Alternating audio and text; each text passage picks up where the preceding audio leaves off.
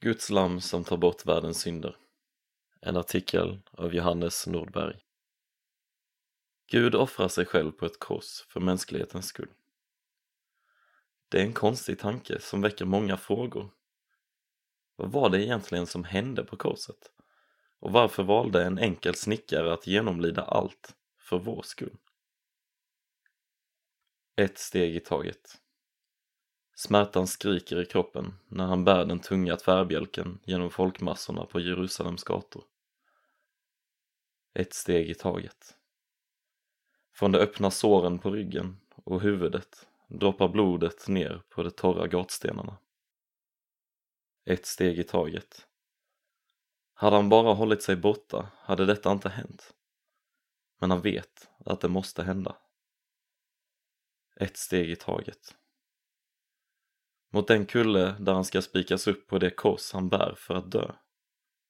Jesus Kristus, Guds son, går vad som kallas Via Dolorosa, smärtans väg, för att dö på ett kors på kullen Golgata precis utanför Jerusalems stadsmur, våren år 33 efter Kristus.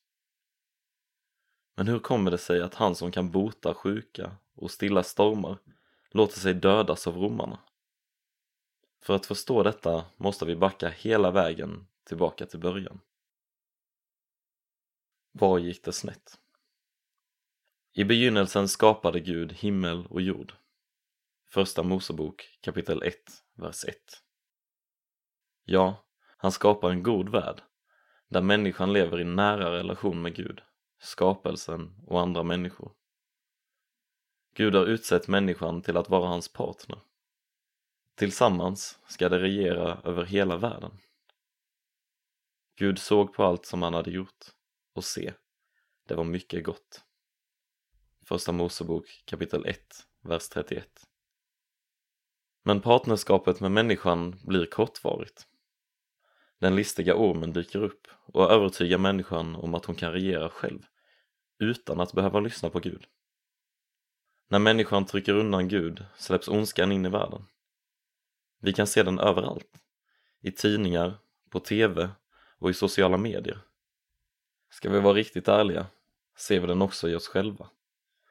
Inom varje människa ligger ondskan på lur. Ett annat ord för ondska, som ofta används i bibeln, är synd.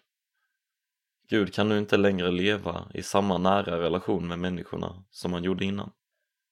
Synden har skapat en spricka, en distans mellan människan och Gud. En så pass stor distans att skulle vi närma oss Gud på egen hand skulle vi dö. Då Gud är liv och kärlek medan vi är fläckade av ondska och död. Men Guds respons väntar inte. Jag ska sätta fiendeskap mellan dig, ormen, och kvinnan och mellan din avkomma och hennes avkomma. Han ska krossa ditt huvud och du ska hugga honom i hälen. Första Mosebok kapitel 3, vers 15. Till detta får vi återkomma senare, för berättelsen går raskt vidare och snart möter vi en man som heter Mose. Gud ska bo mitt ibland människorna.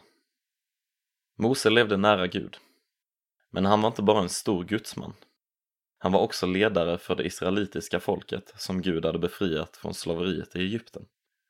Därifrån gick folket ut i öknen till berget Sinai.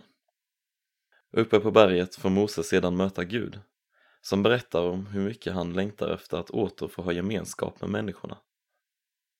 Utifrån Guds instruktioner bygger Israels folk ett tält där Guds närvaro ska vila. Gud ska alltså bo mitt ibland människorna. Men hur ska problemet med synden lösas? Jo, en gång om året, på stora försoningsdagen, ska översteprästen offra en bock. När bocken dör gör den det istället för Israel. Att offra djur kan verka märkligt för oss idag, men för Israels folk var det en mäktig symbol för Guds rättvisa. Synden får sitt straff. Och Guds nåd. Gud låter en annan ta straffet istället. Offer utan nåd och rättvisa. Tyvärr förblev det ingen mäktig symbol för Israels folk. Profeten Jesaja, som levde några hundra år efter Mose, skriver i början av sin bok att offren i templet förlorat sin mening eftersom folket inte längre bryr sig om rättvisa och nåd Folket hjälper inte den fattige och mättar inte den hungrige. Men det finns hopp.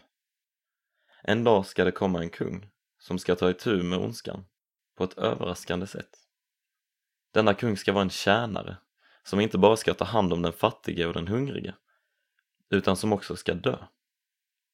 Jesaja skriver om hans död. Han blev genomborrad för våra brott, slagen för våra synder. Straffet blev lagt på honom för att vi skulle få frid. Jesaja kapitel 53, vers 5 Tillbaka till avrättningen. Vi vrider nu fram klockan ytterligare några hundra år, till år 30 efter Kristus. Där möter vi Johannes döparen. Precis som Jesaja ser han hur människorna inte bryr sig om den fattige och den hungrige, utan använder offren i templet för själviska syften. Men plötsligt ser han någon komma gående på flodstranden. Han stannar upp och pekar. Se, Guds lamm som tar bort världens synd. Johannes evangeliet kapitel 1, vers 29. Och du vet ju vem det är, eller hur? Vi är nu tillbaka där vi började.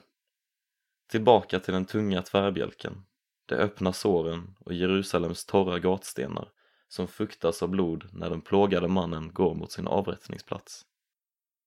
För en knapp vecka sedan red han, till folkets jubel, in i Jerusalem på en åsna genom samma port som offerlammen som skulle slaktas i templet. Nu ska han snart gå samma öde till mötes. Klockan är nio på förmiddagen när spikarna slås igenom hans handleder. Efter sex långa timmar orkar han inte längre ta spjärn mot sina genomborrade händer och fötter för att häva sig upp. Han andas ut och blir hängande livlös på korset. Ett evigt offer. I det ögonblicket förändras världen för alltid.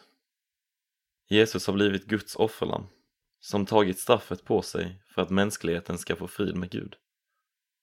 Han har krossat ormen från urtiden genom att själv bli huggen i hälen. När Jesus dör på korset betalar han priset för mänsklighetens synd. Eller, som författaren till Hebreerbrevet skriver, inte med bockar och kalvars blod, utan med sitt eget blod gick han in i det allra heligaste och vann en evig återlösning. Hebreerbrevet kapitel 9, vers 12. Jesus offer är ett offer som inget annat. Genom offren i templet fick folket en upprättad relation med Gud för en tid. Men Jesus har framburit ett enda syndoffer för alla tider. Hebreerbrevet kapitel 10, vers 12a. Och därför behöver du och jag inte offra idag. Det gäller dig. Jesus offer på korset gäller dig. Genom sin död tar Jesus på sig straffet för din synd för att du ska bli förlåten, så att du kan leva i nära relation med Gud. Men detta säger också något om vem Gud är. Teologen N.T. Wright skriver Korset är det säkraste, sannaste och djupaste fönster in till hjärtat och karaktären av den levande och älskande guden.